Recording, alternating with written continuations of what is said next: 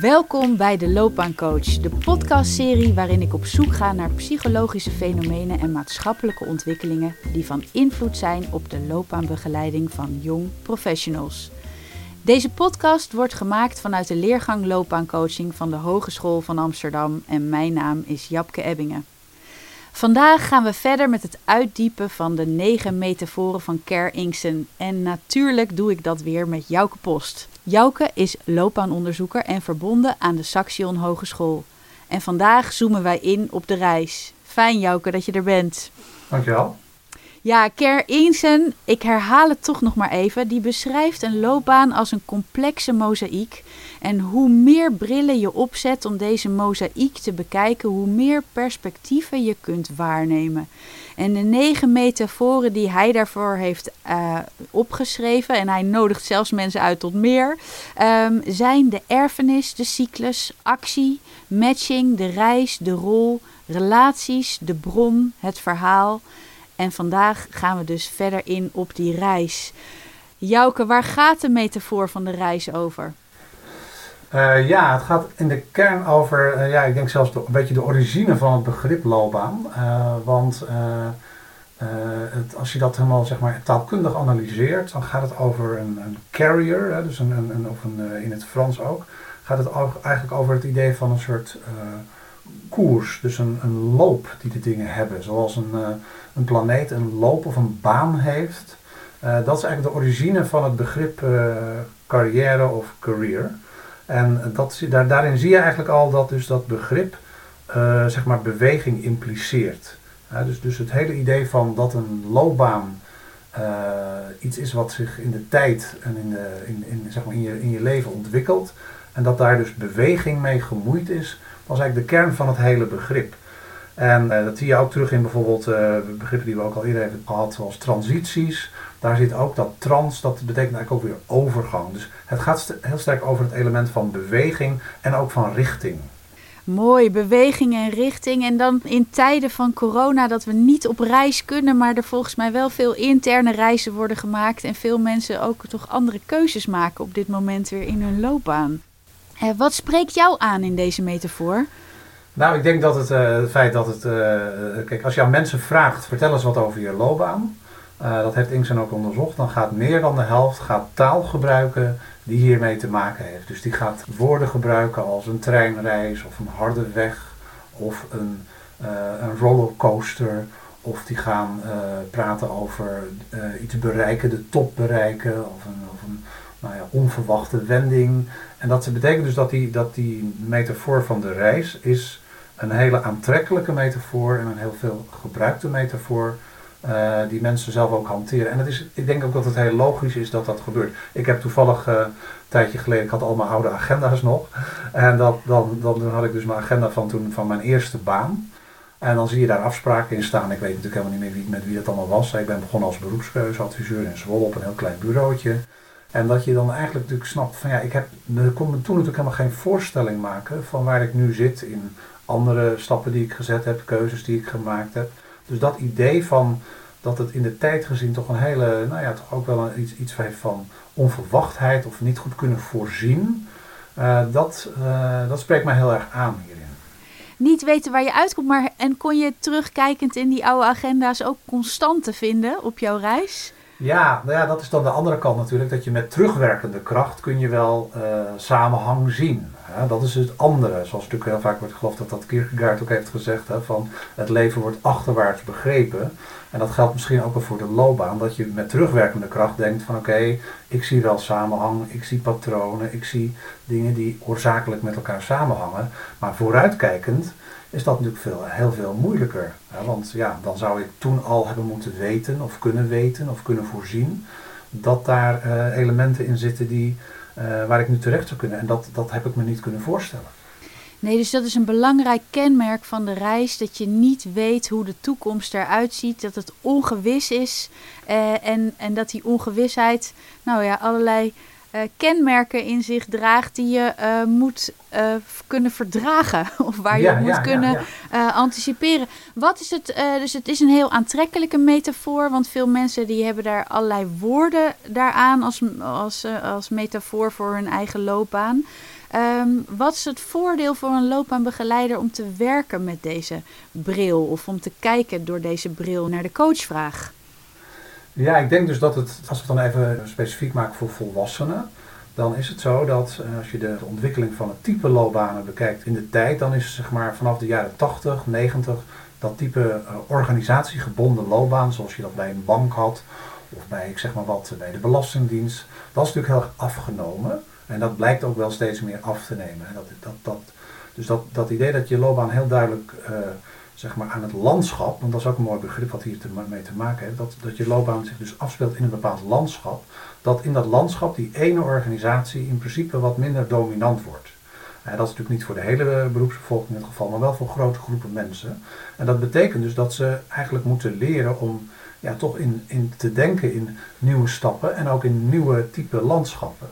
En daar, daar, daar komt natuurlijk ook heel veel uh, vragen bij kijken. Want dan moet je dus uh, je iets gaan voorstellen. Hè. Je moet je dus ook iets gaan verbeelden van dat de dingen anders kunnen gaan worden. dan is natuurlijk de vraag, komen die klassieke loopbaanvragen op van wat wil ik dan, wat kan ik dan enzovoort. Maar dat is best een complexe vraag. En in die complexiteit kun je natuurlijk heel makkelijk zelf ook verdwalen. Ik heb ooit een keer een heel mooie indeling uh, gelezen in een artikel, vond ik zelf ook heel simpel. Die zei eigenlijk in de kern is een loopbaan uh, is het element van inzicht. dan gaat het vaak over zelfinzicht, doorzicht. Dan gaat het echt over het kunnen kijken, ook een beetje door de dingen heen. En ook uitzicht. Dus drie soorten van zicht. En uh, die, die drie koppeling zou je kunnen zeggen, die is ook eigenlijk wel een soort kern van de rol die een loopbaanprofessional heeft. Omdat je daar vooral ook in ondersteunt. Dus om door inzicht, doorzicht en uitzicht te kijken naar dat landschap waar die coachie overheen reist en die ook dus dat landschap wat dus ook verandert. Ja, en wat je dus voor een deel ook zelf creëert. Als je dit, in dit beeld meegaat, dan is een loopbaanprofessional eigenlijk een gids. Is een, ook een beetje een reisleider, hè? Zit, zit daar dus in. En is vaak natuurlijk een individuele reisleider. En dat betekent ook ja, dat je helpt om die verbeelding op gang te brengen. Maar bijvoorbeeld ook uh, het element soms van onzekerheid. Uh, soms gaat het natuurlijk ook over stappen die te maken hebben met geld. Uh, met het loslaten van een bepaalde financiële zekerheid. dus daar zit ook een, een element van risico en van angst in.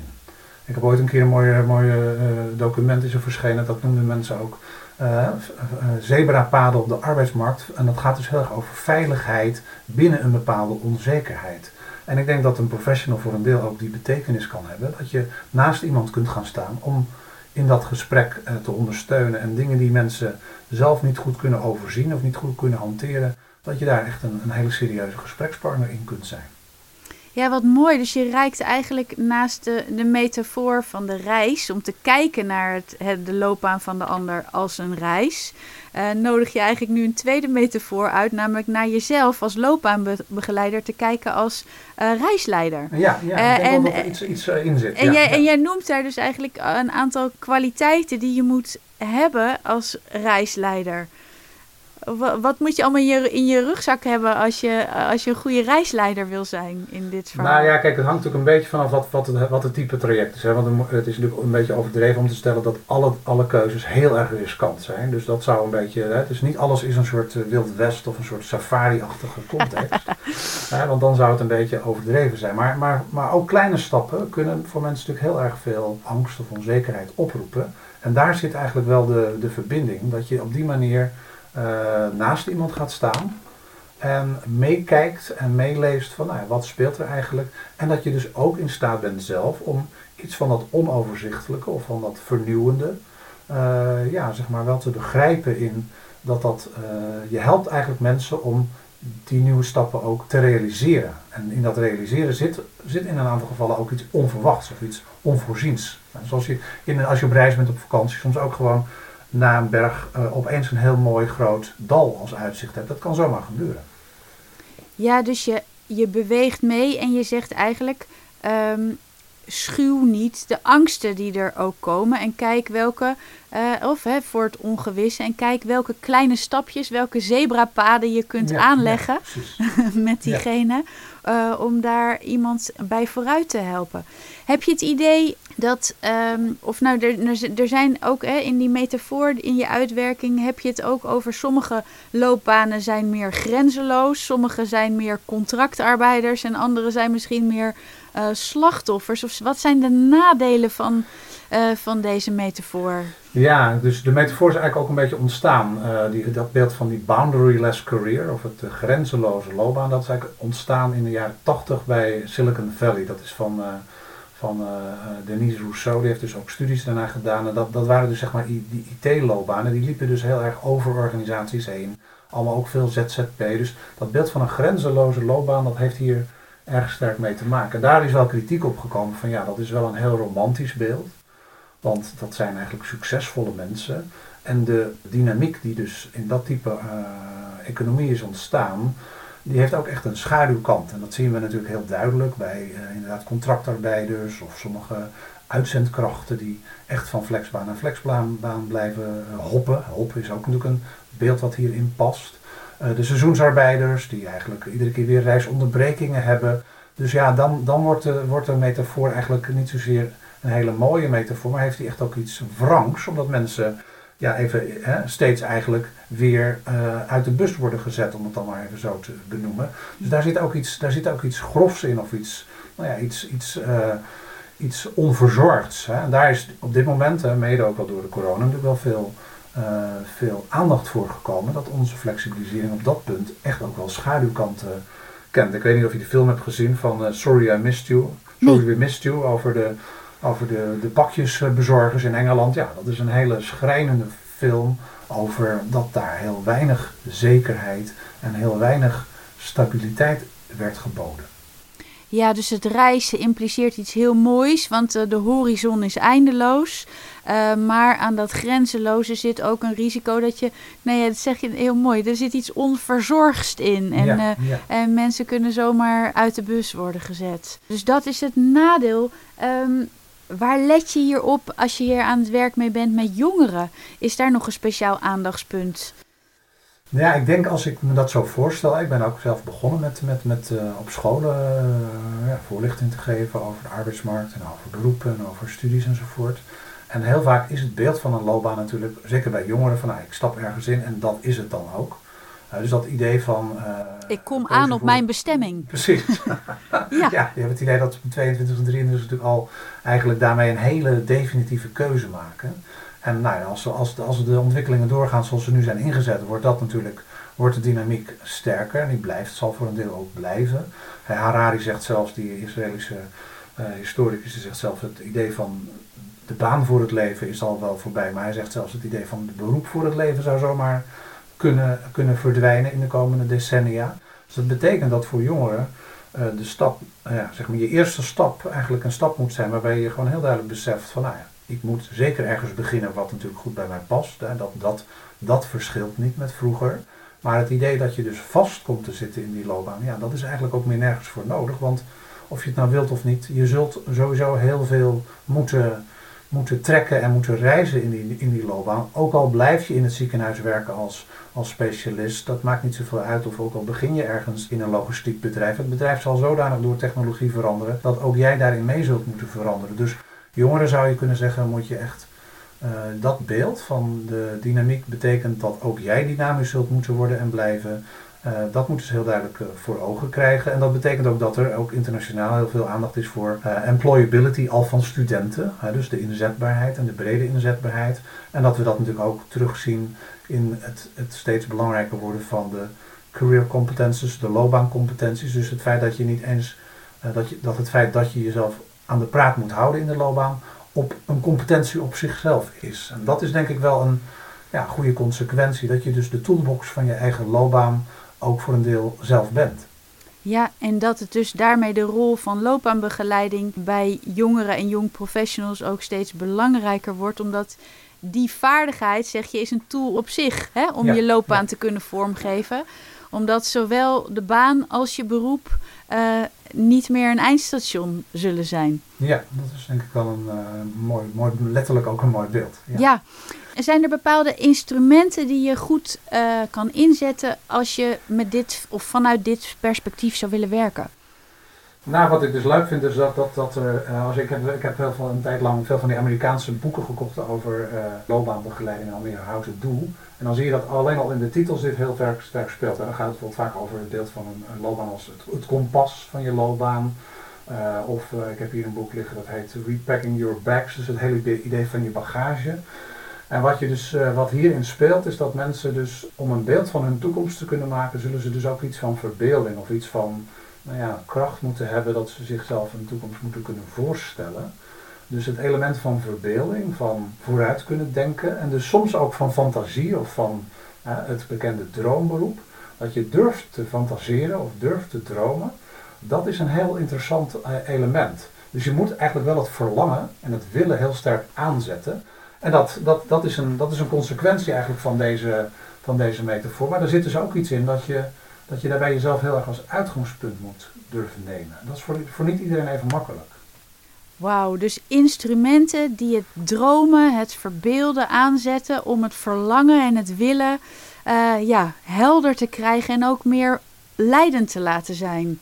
Ja, en je ziet het bijvoorbeeld ook soms dat, hè, dus het element, dat ken je ongetwijfeld van visualisatie, dus dat je ook letterlijk je innerlijke beelden kunt aanzetten.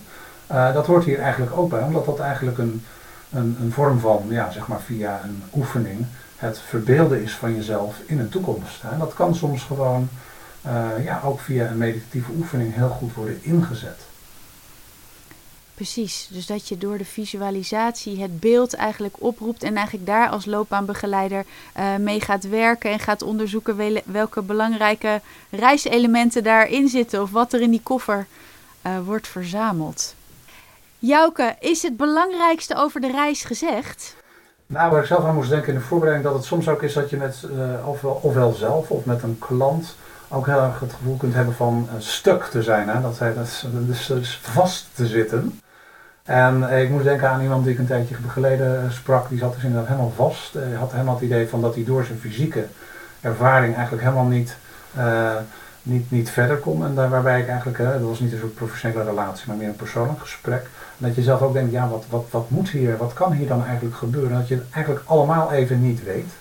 En dat er dan toch soms vanuit een hele onverwachte situatie uh, een kennis die iets, een, bepaalde optie aanreikt uh, en dan het hele toevallige daarvan, dat die persoon daardoor uh, ja, toch een hele nieuwe wending kon gaan, gaan realiseren. Dus het element van ja, waar we het ook de vorige keer over gehad hebben van relaties, van netwerk, van het onverwachte. Dat zit ook wel hierin. En dat daar dus ook een soort van openheid voor moet blijven bestaan. Dat, dat, dat is denk ik wel een, een wezenlijk iets. Dat, dat je dus niet altijd kunt sturen. Het hele begrip zelfsturing raakt ook overigens aan deze metafoor. Je kunt het dus niet altijd heel actief sturen. Soms is het ook een kwestie van wachten, even bij de bus bij wijze van spreken. En dan komt er opeens iets voorbij. En dat vind ik wel uh, iets waar professioneel gezien ook uh, ja, zeg maar wel aandacht voor kunnen zijn. Dat het soms ook even niet maakbaar lijkt en het dan uh, via een onverwachte wending toch weer kan zijn. Dat je open moet staan voor de dingen die toevallig op je pad komen. Ik moet denken, uh, iemand die heeft ooit de term happenstance ja, ja, ja, genoemd. en daar sluit dit ook een beetje op aan. Kan je openstaan voor datgene ja, wat er gebeurt en wie weet, zoals het voorbeeld wat je net noemt, wijst dat je wel de goede weg? Of kun je dat integreren? Jouke, ik dank je wel voor deze reis. Ja, uh, de, de reis van vandaag over de reis en de reis in de metaforen die we maken. We hebben uh, nog vier metaforen te gaan. Wat wordt de volgende, Jouke? Ik denk dat het wel goed is om eens te gaan praten over de loopbaan als erfenis. Dat is even iets heel anders. Uh, is meer de sociologische kant van een loopbaan. En ik denk dat dat wel een mooi contrast is met waar we het nu over hebben. De loopbaan als erfenis en in contrast met, dat, met dit wat van vandaag, dan ben ik heel benieuwd wat dat contrast is. Daar mag iedereen alvast over nadenken. Ik kijk er naar uit. Uh, dank Jouke voor deze. En ehm, wil je verdere afleveringen van de Loopbaancoach beluisteren? We zijn te vinden in iTunes, Soundcloud, Spotify of via de website www.hva.nl slash loopbaancoaching. Ook zijn we te volgen op Instagram, de underscore loopbaancoach. Vond je de aflevering leuk? Laat dan je waardering achter in het kanaal waar je luistert. Dan worden we steeds makkelijker voor iedereen te vinden. Dit was de Loopbaancoach. Leuk dat je luistert.